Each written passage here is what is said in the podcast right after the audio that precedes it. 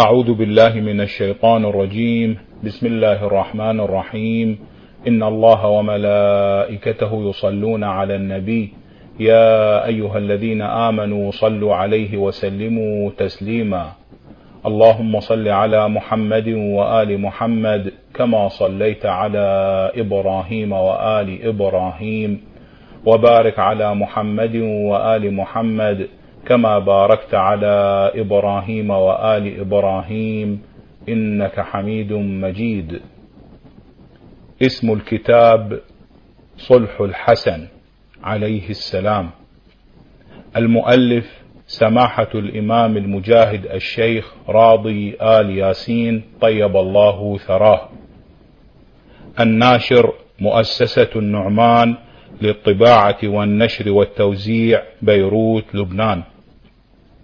تأريخ الطبعة سنة ألف وأربعمائة واثنتي عشرة للهجرة الموافق لسنة ألف وتسعمائة وإحدى وتسعين للميلاد. أبدأ إن شاء الله تعالى في هذا اليوم المبارك الخامس عشر من شهر رمضان وهو يوم ولادة الإمام الحسن الصبط المجتبى عليه السلام بتسجيل هذا الكتاب قربة لله تعالى وعملا بالآية المباركة من سورة الشورى. أعوذ بالله من الشيطان الرجيم. بسم الله الرحمن الرحيم. ذلك الذي يبشر الله عباده الذين آمنوا وعملوا الصالحات قل لا أسألكم عليه أجرا إلا المودة في القربى ومن يقترف حسنة نزد له فيها حسنا إن الله غفور شكور. صدق الله العلي العظيم. وأرجو من المستمع ملاحظة ما يلي. عند وجود حاشية بمعنى هامش أو تعليق سوف أذكر كلمة حاشية وعند الانتهاء من الحاشية سوف أذكر عبارة الرجوع إلى النص بمعنى انتهاء التعليق والحاشية والرجوع إلى أصل ونص الكتاب. الأخطاء اللغوية هي مسؤوليتي وحدي ولا علاقة لها بالمؤلف والناشر وبالله التوفيق. تصدير بقلم الإمام السيد عبد الحسين شرف الدين رحمة الله عليه. بسم الله الرحمن الرحيم. كان صلح الحسن عليه السلام مع معاوية من أشد ما لقيه أئمة أهل البيت من هذه الأمة بعد رسول الله صلى الله عليه وآله وسلم. لقي به الحسن عليه السلام محنا يضيق بها الوسع لا قوة لأحد عليها إلا بالله عز وجل. لكنه رضخ لها صابرا محتسبا وخرج منها ظافرا بما يبتغيه من النصح لله تعالى ولكتابه عز وجل ولرسوله ولخاصة المسلمين وعامتهم. وهذا الذي يبتغيه ويحرص عليه في كل ما يأخذ أو يدع من قول أو فعل. ولا وزن لمن اتهمه بأنه أخلد بصلحه إلى الدعة وآثر العافية والراحة. ولا لمن طوحت بهم الحماسة من شيعته فتمنوا عليه لو وقف في جهاد معاوية فوصل إلى الحياة من طريق الموت وفاز بالنصر والفتح من الجهة التي انطلق منها صنوه يوم الطف إلى نصره العزيز وفتحه المبين. ومن الغريب بقاء الناس في عشواء غماء من هذا الصلح إلى يومهم هذا. لا يقوم أحد منهم في بيان وجهة الحسن في صلحه بمعالجة موضوعية مستوفاة ببيانها وبيناتها عقلية ونقلية. وكم كنت أحاول ذلك لكن الله عز وجل شاء بحكمته أن يختص بهذه المأثرة من هو أولى بها وأحق بكل فضيلة. ذلك هو مؤلف هذا السفر البكر صلح الحسن. فإذا هو في موضوعه فصل الخطاب ومفصل الصواب والحد الفاصل بين الحق والباطل. وقفت منه على فصول غر تمثل فضل مؤلفها الأغر الأبر في كل ما يشتركان فيه من التحقيق والدقة والاعتدال وسطوع البيان والبرهان.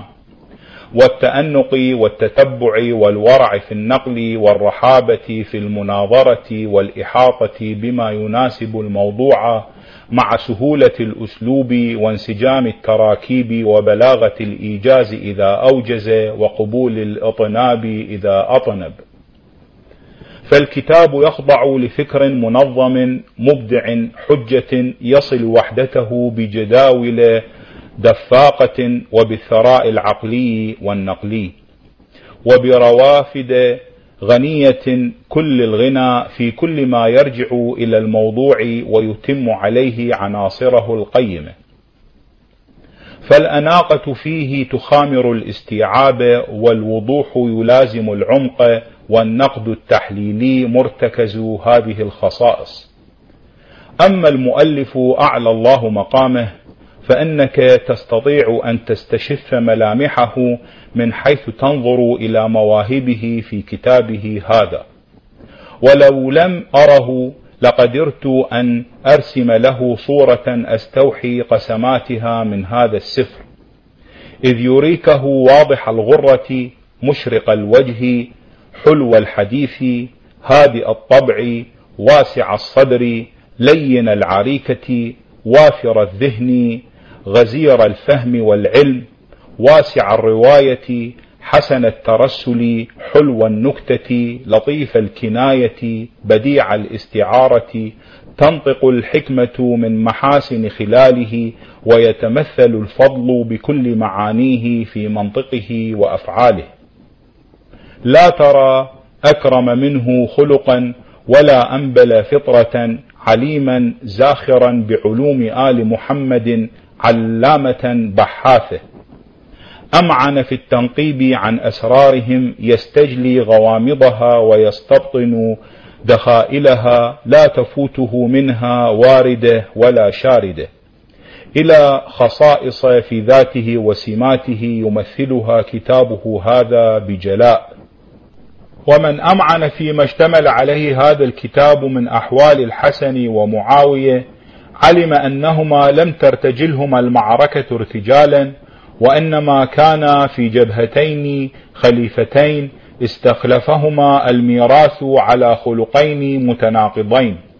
فخلق الحسن إنما هو خلق الكتاب والسنة وإن شئت فقل خلق محمد وعلي.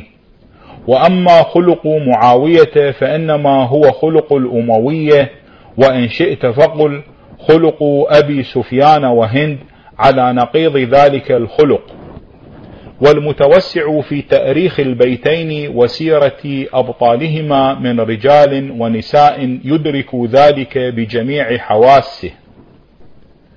لكن لما ظهر الإسلام وفتح الله لعبده ورسوله فتحه المبين ونصره ذلك النصر العزيز انقطعت نوازي الشر الأموي.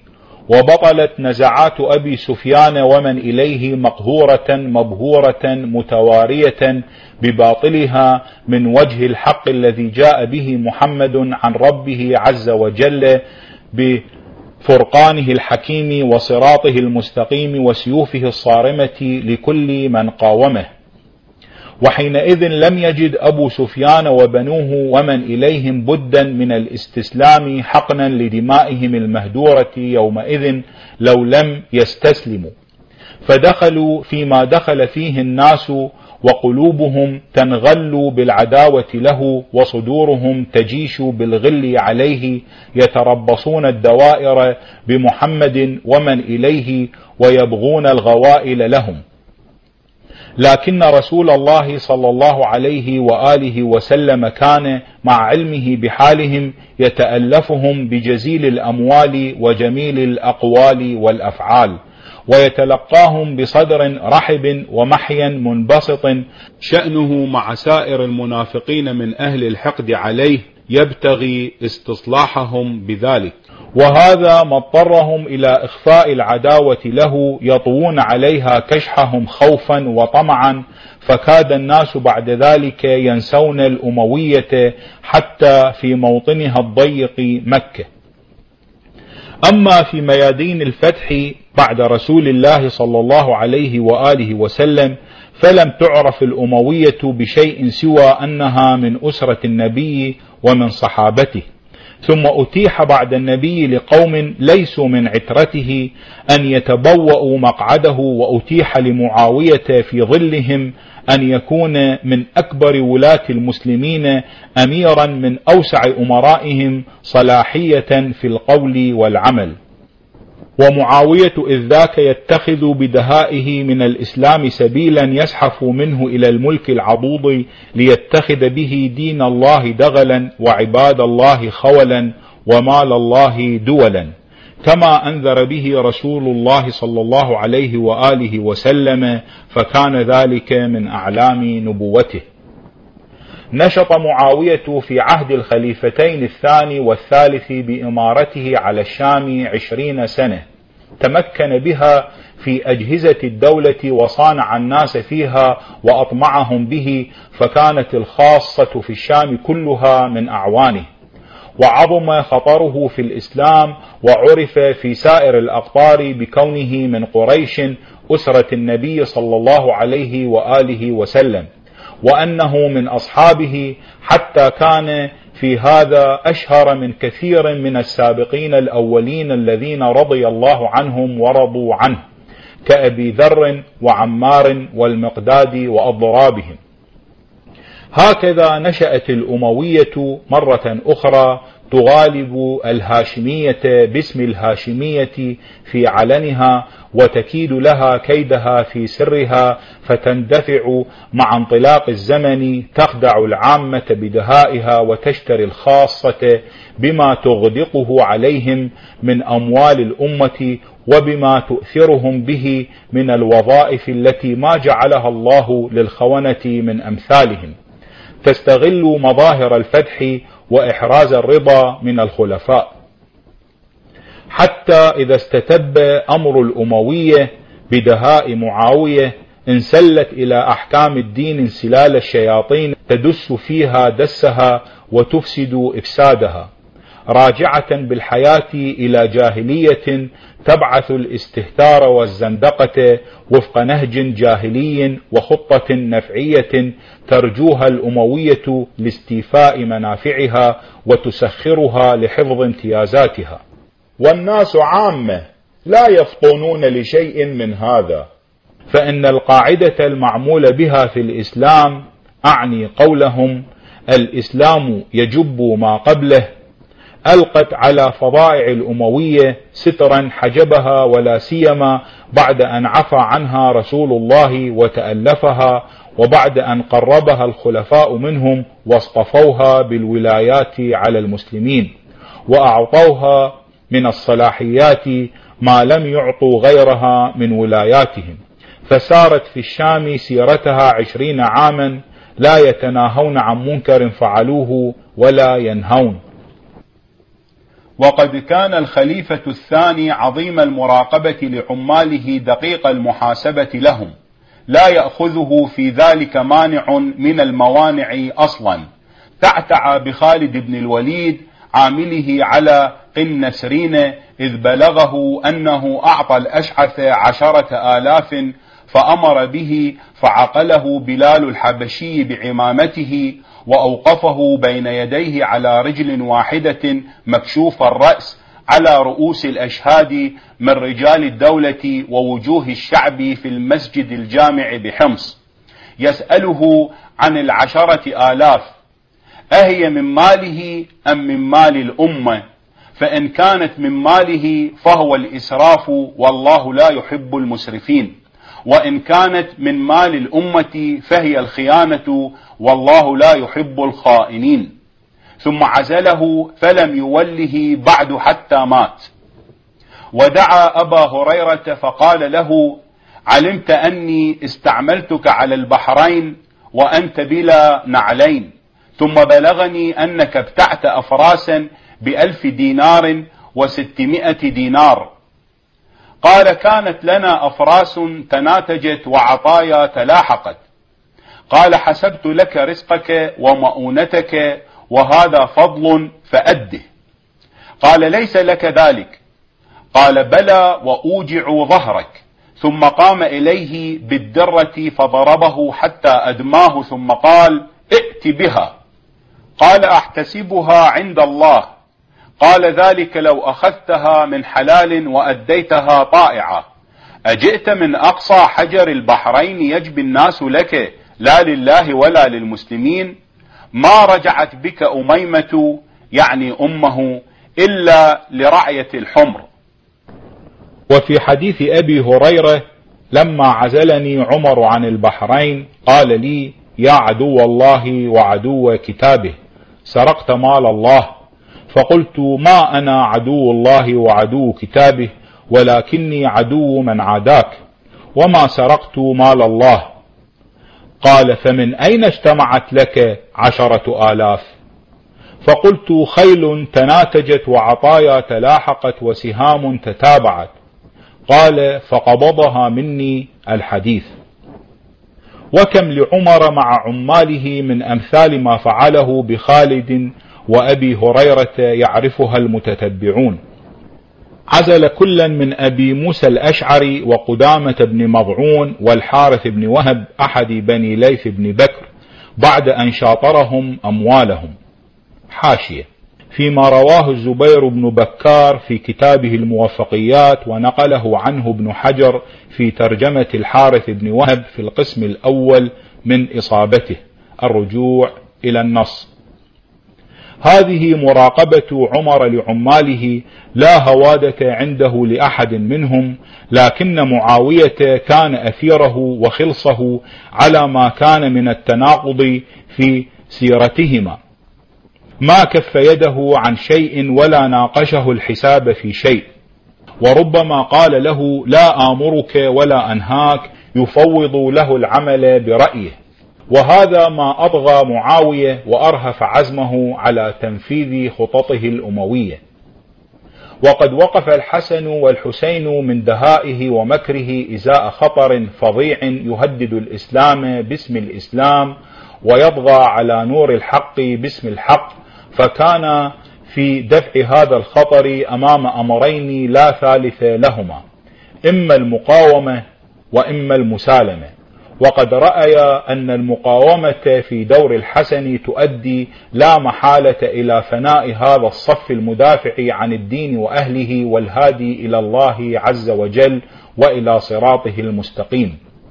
إذ لو غامر الحسن يومئذ بنفسه وبالهاشميين وأوليائهم فواجه بهم القوة التي لا قبل لهم بها حاشية كما أوضحه الشيخ في كتابه هذا الرجوع إلى النص إذ لو غامر الحسن يومئذ بنفسه وبالهاشميين وأوليائهم فواجه بهم القوة التي لا قبل لهم بها مصمما على التضحية تصميم أخيه يوم الطف. لانكشفت المعركة عن قتلهم جميعا ولانتصرت الأموية بذلك نصرا تعجز عنه إمكانياتها ولا تنحسر عن مثله أحلامها وأمنياتها. إذ يخلو بعدهم لها الميدان تمعن في تيهها كل إمعان. وبهذا يكون الحسن وحاشاه قد وقع فيما فر منه على أقبح الوجوه ولا يكون لتضحيته أثر لدى الرأي العام إلا التنديد والتفنيد. حاشية. لأن معاوية كان يطلب الصلح ملحا على الحسن بذلك وكان يبذل له من الشروط لله تعالى وللأمة كل ما يشاء. يناشده الله في حقن دماء أمة جده. وقد أعلن طلبه هذا فعلمه المعسكران مع أن الغلبة كانت في جانبه لو استمر القتال. يعلم ذلك الحسن ومعاوية وجنودهما. فلو أصر الحسن والحال هذه على القتال ثم كانت العاقبة عليه لعذله العاذلون وقالوا فيه ما يشاءون. ولو اعتذر الحسن يومئذ بأن معاوية لا يفي بشرط ولا هو بمأمون على الدين ولا على الأمة لما قبل العامة يومئذ عذره إذ كانت مغرورة بمعاوية كما أوضحناه. ولم تكن الأموية يومئذ سافرة بعيوبها سفورا بينا بما يؤيد الحسن أو يخذل معاوية كما أسلفنا بيانه من اغترار الناس بمعاوية وبمكانته من أولي الأمر الأوليين. لكن انكشف الغطاء في دور سيد الشهداء فكانت لتضحيته عليه السلام من نصرة الحق وأوليائه آثاره الخالدة والحمد لله رب العالمين. اقرأ فصل سر الموقف من هذا الكتاب. الرجوع إلى النص ومن هنا رأى الحسن عليه السلام أن يترك معاوية لطغيانه ويمتحنه بما يصبو إليه من الملك. لكن أخذ عليه في عقد الصلح أن لا يعدو الكتاب والسنة في شيء من سيرته وسيرة أعوانه ومقوية سلطانه وأن لا يطلب أحدا من الشيعة بذنب أذنبه مع الأموية وأن يكون لهم من الكرامة وسائر الحقوق ما لغيرهم من المسلمين وأن وأن وأن. إلى غير ذلك من الشروط التي كان الحسن عالما بأن معاوية لا يفي له بشيء منها وأنه سيقوم بنقائضها. حاشية. اقرأ ما يتعلق بنصوص المعاهدة وشروطها ومدى وفاء معاوية بكل منها في فصول هذا الكتاب. الرجوع إلى النص. هذا ما عده عليه السلام لرفع الغطاء عن الوجه الأموي المموه ولصهر الطلاء على مظاهر معاوية الزائفة. ليبرز حينئذ هو وسائر أبطال الأموية كما هم جاهليين لم تخفق صدورهم بروح الإسلام لحظة. ثائرين لم تنسهم مواهب الإسلام ومراحمه شيئا من أحقاد بدر وأحد والأحزاب. وبالجملة فإن هذه الخطة ثورة عاصفة في سلم لم يكن منه بد أملاه ظرف الحسن إذ التبس فيه الحق بالباطل وتسنى للطغيان فيه سيطرة مسلحة ضارية. ما كان الحسن ببادئ هذه الخطة ولا بخاتمها بل أخذها فيما أخذه من إرثه وتركها مع ما تركه من ميراثه. فهو كغيره من أئمة هذا البيت يسترشد الرسالة في إقدامه وفي إحجامه. امتحن بهذه الخطة فرضخ لها صابرا محتسبا وخرج منها ظافرا طاهرا لم تنجسه الجاهلية بأنجاسها ولم تلبسه من مدلهمات ثيابها. أخذ هذه الخطة من صلح الحديبية فيما أثر من سياسة جده صلى الله عليه وآله وسلم وله فيه أسوة حسنة. إذ أنكر عليه بعض الخاصة من أصحابه كما أنكر على الحسن صلح ساباط بعض الخاصة من أوليائه فلم يهن بذلك عزمه ولا ضاق به ذرعه. وقد ترك هذه الخطة نموذجا صاغ به الأئمة التسعة بعد سيدي شباب أهل الجنة سياستهم الحكيمة في توجيهها الهادئ الرصين كل معصوصب الشر. فهي إذا جزء من سياستهم الهاشمية الدائرة أبدا على نصرة الحق لا على الانتصار للذات فيما تأخذ أو تدع. تهيأ للحسن بهذا الصلح أن يغرس في طريق معاوية كمينا من نفسه يثور عليه من حيث لا يشعر فيرديه. وتسنى له به أن يلغم نصر الأموية ببارود الأموية نفسها. فيجعل نصرها جفاء وريحها هباء.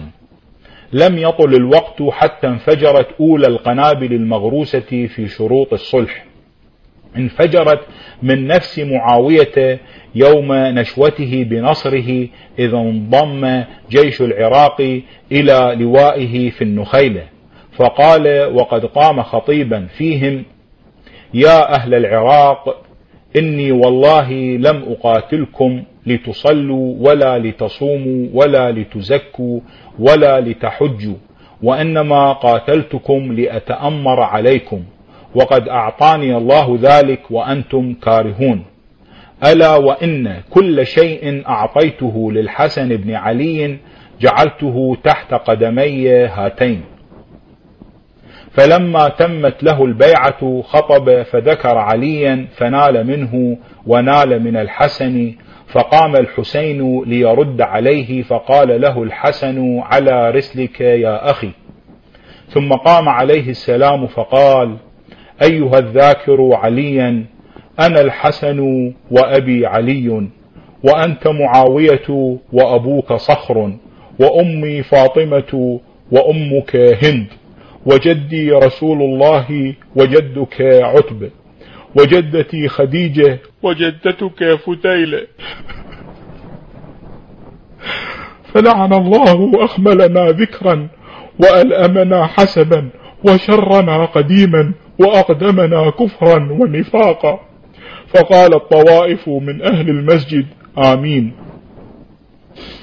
ثم تتابعت سياسة معاوية تتفجر بكل ما يخالف الكتاب والسنة من كل منكر في الإسلام قتلا للأبرار وهتكا للأعراض وسلبا للأموال وسجنا للأحرار وتشريدا للمصلحين وتأييدا للمفسدين الذين جعلهم وزراء دولته كابن العاص وابن شعبة وابن سعيد وابن أرطأة وابن جندب وابن السمط وابن الحكم وابن مرجانة وابن عقبة وابن سمية الذي نفاه عن أبيه الشرع عبيد وألحقه بالمسافح أبيه أبي سفيان ليجعله بذلك أخاه يسلطه على الشيعة في العراق يسومهم سوء العذاب يذبح أبناءهم ويستحيي نساءهم ويفرقهم عباديد تحت كل كوكب. ويحرق بيوتهم ويصطفي أموالهم لا يألو جهدا في ظلمهم بكل طريق. ختم معاوية منكراته هذه بحمل خليعه المهتوك على رقاب المسلمين يعيث في دينهم ودنياهم فكان من خليعه ما كان يوم الطف ويوم الحرة ويوم مكة إذ نصب عليها العرادات والمجانيق. هذه خاتمة أعمال معاوية وإنها لتلائم كل الملائمة فاتحة أعماله القائمة. وبين الفاتحة والخاتمة تتضاغط شدائد وتدور خطوب وتزدحم محن. ما أدري كيف اتسعت لها مسافة ذلك الزمن وكيف اتسع لها صدر ذلك المجتمع. وهي في الحق لو وزعت على دهر لطاق بها ونأى بحملها. ولو وزعت على عالم لكان جديرا أن يحول جحيما لا يطاق. ومهما يكن من أمر فالمهم أن الحوادث جاءت تفسر خطة الحسن وتجلوها وكان أهم ما يرمي إليه سلام الله عليه أن يرفع اللثام عن هؤلاء الطغاة ليحول بينهم وبين ما يبيتون لرسالة جده من الكيد. وقد تم له كل ما أراد حتى برح الخفاء وآذن أمر الأموية بالجلاء والحمد لله رب العالمين.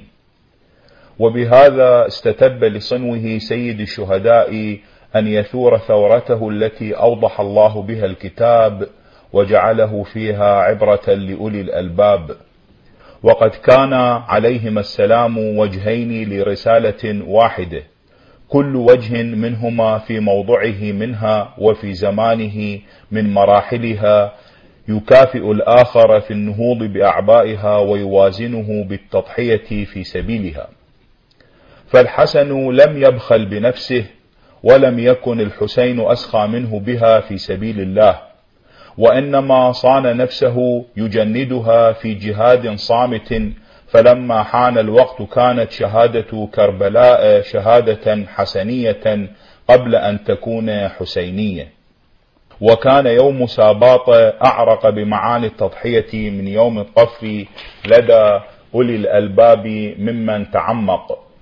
لأن الحسن عليه السلام أعطي من البطولة دور الصابر على احتمال المكاره في صورة مستكين قاعد. وكانت شهادة الطف حسنية أولا وحسينية ثانيا لأن الحسن أنضج نتائجها ومهد أسبابها.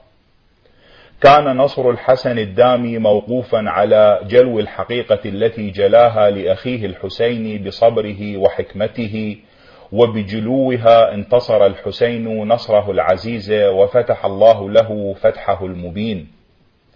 وكان عليهما السلام كأنهما متفقان على تصميم الخطة أن يكون للحسن منها دور الصابر الحكيم وللحسين دور الثائر الكريم لتتألف من الدورين خطة كاملة ذات غرض واحد. وقد وقف الناس بعد حادثتي ساباط والطف يمعنون في الأحداث فيرون في هؤلاء الأمويين عصبة جاهلية منكرة بحيث لو مثلت العصبيات الجلفة النذلة الظلوم لم تكن غيرهم بل تكون دونهم في الخطر على الإسلام وأهله. رأى الناس من هؤلاء الأمويين قردة تنزو على منبر رسول الله تكشر للأمة عن أنياب غول وتصافحها بأيد تمتد بمخالب ذئب في نفوس تدب بروح عقرب. رأوا فيهم هذه الصورة منسجمة شائعة متوارثة. لم تخفف من شرها التربية الإسلامية ولم تطامن من لؤمها المكارم المحمدية. فمضغ الأكباد يوم هند وحمزة يرتقي به الحقد الأموي الأثيم حتى يكون تنكيلا بربريا يوم الطف لا يكتفي بقتل الحسين حتى يوطئ الخيل صدره وظهره. ثم لا يكتفي بذلك حتى يترك عاريا بالعراء لوحوش الأرض وطير السماء ويحمل رأسه ورؤوس الشهداء من آله وصحبه على أطراف الأسنة إلى الشام. ثم لا يكتفي بهذا كله حتى يوقف حرائر الوحي من بنات رسول الله على درج السبي. رأى الناس الحسن يسالم فلم تنجيه المسالمة من خطر هذه الوحشية اللئيمة. حتى دس معاوية إليه السم فقتله بغيا وعدوانا. ورأوا الحسين يثور في حين أتيح للثورة الطريق إلى إفهامهم تتفجر فيها باليقظة والحرية فلا تقف الوحشية الأموية بشيء عن المظالم بل تبلغ في وحشيتها أبعد المدى. وكان من الطبيعي أن يتحرر الرأي العام على وهج هذه النار المحرقة منطلقا إلى زوايا التأريخ وأسراره يستنزل الأسباب من هنا وهناك بلمعان ويقظة وسير دائب يدنيه إلى الحقيقة حقيقة الانحراف عن آل محمد. حتى يكون أمامها وجها لوجه يسمع همسها هناك في الصدر الأول وهي تتسار وراء الحجب والأستار وتدبر الأمر في اصطناع هذا الداهية الظلوم الأموي. اصطناعا يطفئ نور آل محمد أو يحول بينه وبين الأمة. لقد أدرك الرأي العام بفضل الحسن والحسين وحكمة تدبيرهما كل خافية من أمر الأموية وأمور مسددي سهمها على نحو واضح. أدرك فيما يتصل بالأمويين أن العلاقة بينهم وبين الإسلام إنما هي علاقة عداء مستحكم. ضرورة أنه إذا كان الملك هو ما تهدف إليه الأموية فقد بلغه معاوية وأتاح له الحسن. فما بالها تلاحقه بالسم وأنواع الظلم والهضم وتتقصى الأحرار الأبرار من أوليائه لتستأصل شأفتهم وتقتلع بذرتهم. وإذا كان الملك وحده هو ما تهدف إليه الأموية فقد أزيح الحسين من الطريق وتم ليزيد ما يريد. فما بالها لا تكف ولا ترعوي وإنما تسرف أقصى ما يكون الإسراف والإجحاف في حركة من حركات الإفناء على نمط من الاستهتار لا يعهد في تأريخ الجزارين والبرابرة أما ما أنتجته هذه المحاكمة لأولي الألباب فذلك ما نترك تقديره وبيانه للعارفين بمنابع الخير ومطالع النور في التأريخ الإسلامي على أن فصلناه بآياته وبيناته في مقدمة المجالس الفاخرة في مآتم العترة الطاهرة. فليراجع. ولنكتفي الآن بالإشارة إلى ما قلناه في التوحيد بين صلح الحسن وثورة الحسين والتعاون بين هذين المظهرين على كشف القناع عن الوجه الأموي المظلم والإعلان عن الحقيقة الأموية فأقول عودا على بدء كانت شهادة الطف حسنية أولا وحسينية ثانيا وكان يوم ساباط أعرق بمعاني الشهادة والتضحية من يوم الطف عند من تعمق واعتدل وأنصف.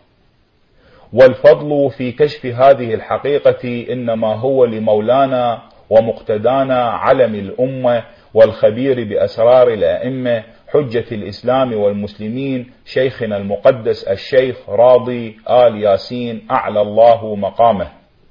ذلك لأن أحدا من الأعلام لم يتفرغ لهذه المهمة تفرغه لها في هذا الكتاب الفذ الذي لا ثاني له وها هو ذا مشرف من القمة على الأمة ليسد في مكتبتها فراغا كانت في فاقة إلى سده.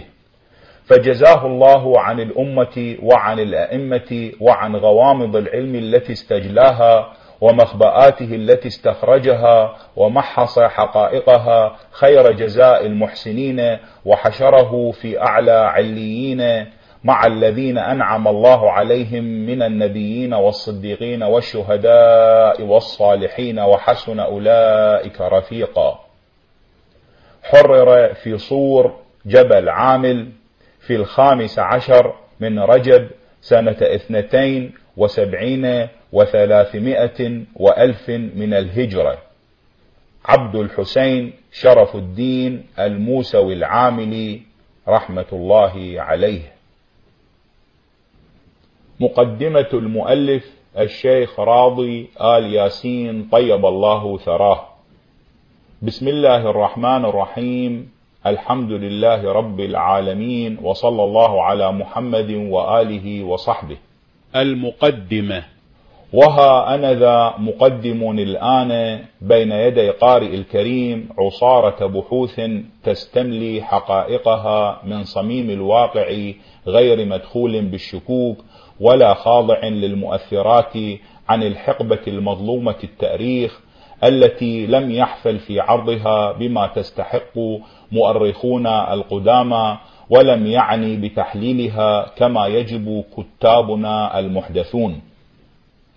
تلك هي قطعة الزمن التي كانت عهد خلافة الحسن بن علي في الإسلام والتي جاءت بين دوافع الأولين وتساهل الآخرين صورة مشوهة من صور التأريخ وتعرضت في مختلف أدوارها لما كان يجب أن يتعرض له أمثالها من الفترات المطموسة المعالم المنسية الحقائق المقصودة على الأكثر بالإهمال أو بالتشويه. فإذا بالحسن بن علي عليه وعلى أبيه أفضل الصلاة والسلام في عرف الأكثرين من المتسرعين بأحكامهم من شرقيين وغربيين الخليفة الضعيف السياسة المتوفر على حب النساء الذي باع الخلافة لمعاوية بالمال إلى كثير من هذا الهذر الظالم الذي لا يستند في مقاييسه على منطق ولا يرجع في تحكماته إلى دليل ولا يعني في ارتجالياته بتحقيق أو تدقيق. وعمدت هذه الفصول إلى تقلية هذه الحقبة القصيرة من الزمن بما هي ظرف أحداث لا تقل بأهميتها في ذاتها ولا بموقعها الاستراتيجي في التأريخ إذا صح هذا التعبير عن أعظم الفترات التي مر بها تأريخ الإسلام منذ وفاة الرسول صلى الله عليه وآله وسلم وإلى يوم الناس. لأنها كانت ظرف الخلافة الفريدة من نوعها في تأريخ الخلائف الآخرين ولأنها بداية إقرار القاعدة الجديدة في التمييز بين السلطات الروحية والسلطات الزمنية في الإسلام. واللحظة التي صدقت بأحداثها الحديث النبوي الشريف الذي أنبأ برجوع الأمر بعد ثلاثين عاما إلى الملك العضوض. ولأنها الفترة التي تبلورت فيها الحزازات الطائفية لأول مرة في تأريخ العقائد الإسلامية. ولم يكن قليلا من مجهود هذه الفصول أن ترجع بعد الجهد المرتخص في سبيلها بالخبر اليقين عن الكثير من تلك الحقائق أبعد ما تكون تأنيا في البحث وأكثر ما تكون تفسخا في المصادر وأقل ما تكون حظا من تسلسل الحوادث وتناسق الأحداث. فتعرضها في هذه السطور مجلوة على واقعها الأول أو على أقرب صورة من واقعها الذي تنشأت عليه بين أحضان جيلها المختلف الألوان. فإذا بالحسن بن علي عليه السلام بعد هذا وعلى قصر عهده في خلافته من أطول الخلفاء باعا في الإدارة والسياسة. والرجل الذي بلغ من دقته في تصريف الأمور وسموه في علاج المشكلات أنه استغل معاوية بن أبي سفيان أعنف ما يكون في موقفه منه حذرا وانتباها واستعدادا للحبائل والغوائل. وإذا بزواجه الكثير دليل عظمته الروحية في الناس وإذا بالصلح الذي حاكه على معاوية أداته الجبارة للقضاء على خصومه في التأريخ دون أن يكون ثمة أي مساومة على بيعة أو على خلافة أو على مال. وإذا كل خطوات هذا الإمام وكل إيجاب أو سلب في سياسته مخفقا أو منتصرا آية من آيات عظمته التي جهلها الناس وظلمها المؤرخون. وكان من أفظع الكفران لمواهب العظماء أن يتحكم في تأريخهم وتنسيق مراتبهم ناس من هؤلاء الناس المأخوذين بسوء الذوق أو المغلوبين بسوء الطوية يتظاهرون بالمعرفة ويرتجزون بحسن التفكير ثم يتحذلقون بالتطاول على الكرامات المجيدة دون روية ولا تدقيق ولا اكتراث. فلا يدلون بتفريطهم في أحكامهم إلا على فرط الضعف في نفوسهم.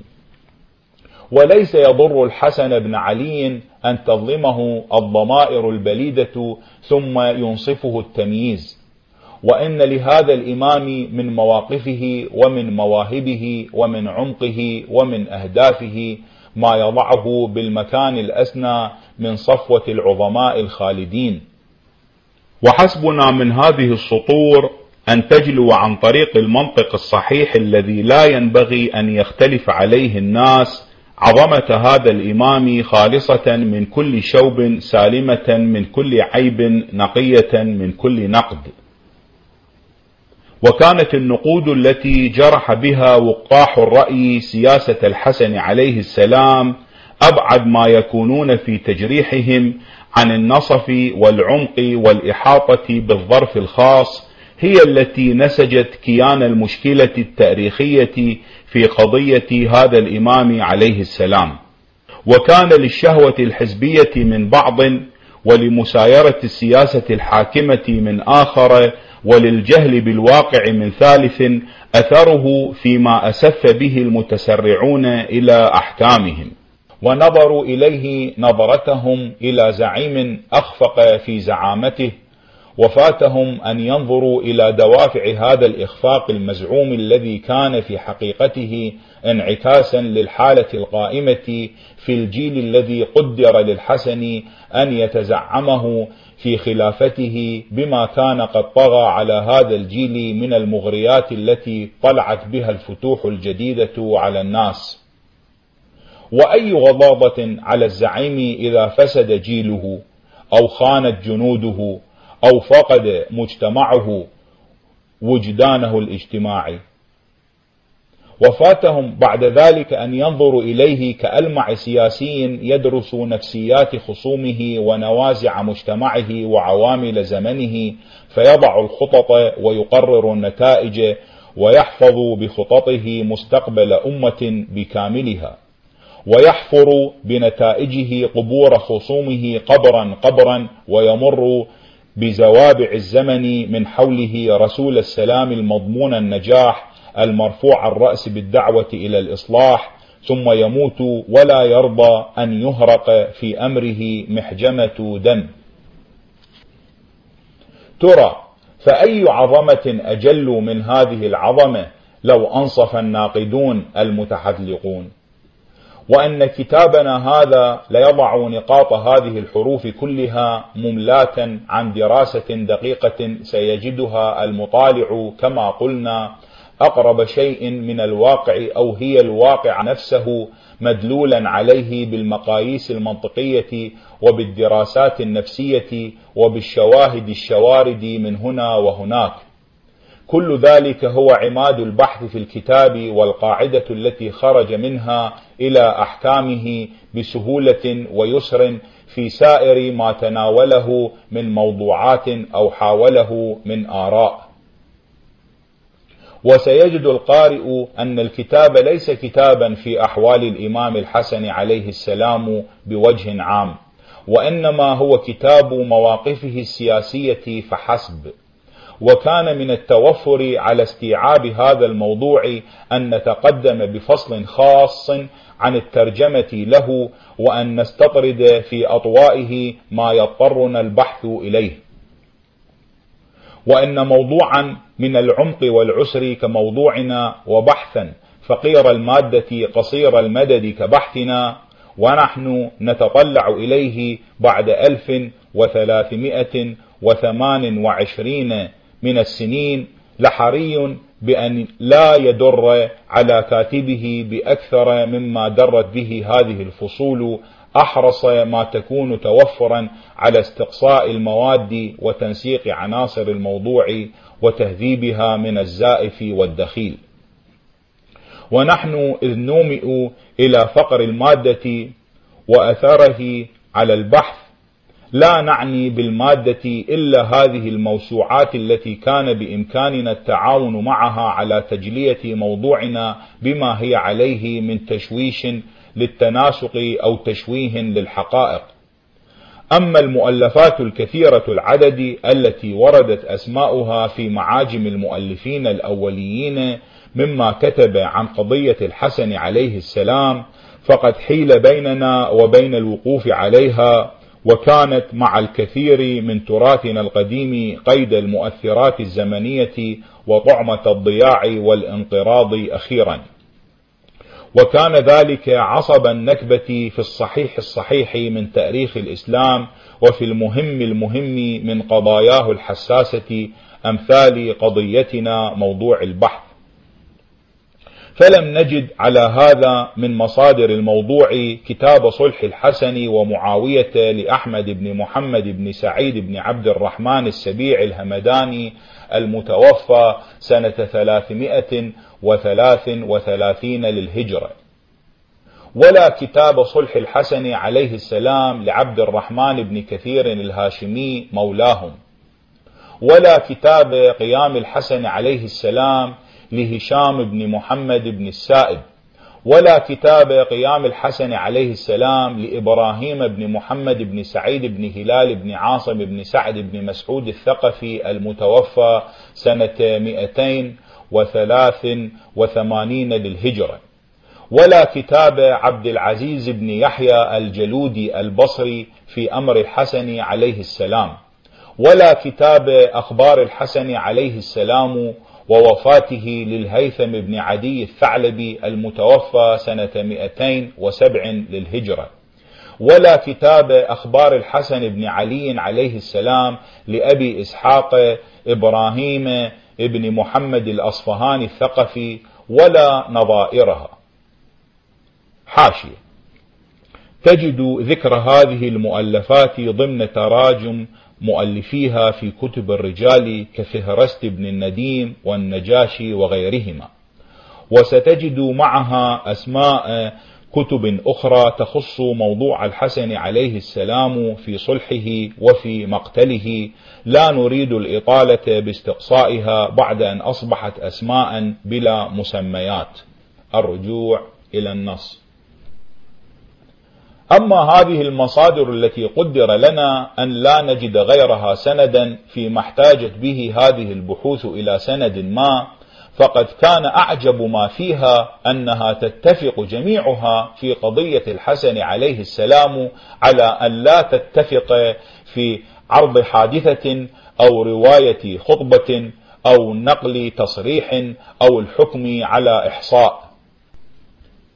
بل لا يتفق سندان منها على الأكثر في تأريخ وقت الحادث أو الخطبة من تقديم أو تأخير. ولا في تعيين اسم القائد مثلا أو ترتيب القيادة بين الاثنين أو الثلاثة. ولا في رواية طرق النكاية التي أريدت بالحسن في ميادينه أو في التعبير عن صلحه أو قتله أخيرا ولا في كل صغيرة أو كبيرة من أخبار الملحمة من ألفها إلى يائها. وللمؤثرات التي تحكمت في رقبة هذه المصادر عند نقاطها الحساسة أثرها المحسوس في الكثير الكثير من عروضها. وإذا كان من أصعب مراحل هذا التأليف إرجاع هذه الحقائق إلى تسلسلها الصحيح الذي يجب أن يكون هو واقعها الأول فقد كان من أيسر الوسائل إلى تحقيق هذا الغرض الاستعانة عليه بقرائن الأحوال وتناسق الأحداث اللذين لا يتم بدونهما حكم على وضع. وكان من حسن الصدف أن لا نخرج في اختيار النسق المطلوب عن الشاهد الصريح الذي بعثرته هذه المصادر نفسها في أطواء رواياتها الكثيرة المضطربة. فكانت بمجموعها وعلى نقص كل منها أدلتنا الكاملة على ما اخترناه من تنسيق أو تحقيق. وذلك أروع ما نعتز به من التوفيق. ووقفنا في فلسفة الموقف عند مختلف مراحله وقفاتنا المتأنية المستقرئة الصبور التي لا تستسلم للنقل أكثر مما تحتكم للعقل. ورجعنا في كثير مما التمسنا تدقيقه إلى التصريحات الشخصية التي جاءت أدل على الغرض من روايات كثير من المؤرخين. وهي بعد بضاعة المزجاة التي لا أريد منها إلا أن تكون مفتاح بحوث جديدة من شأنها أن تكشف كثيرا من الغموض الذي دار مع قضية الحسن في التأريخ. فإن هي وفقت إلى ذلك فقد أوتيت خيرا كثيرا وما توفيقي إلا بالله عليه توكلت وإليه أنيب. المؤلف الشيخ راضي آل ياسين رحمة الله عليه.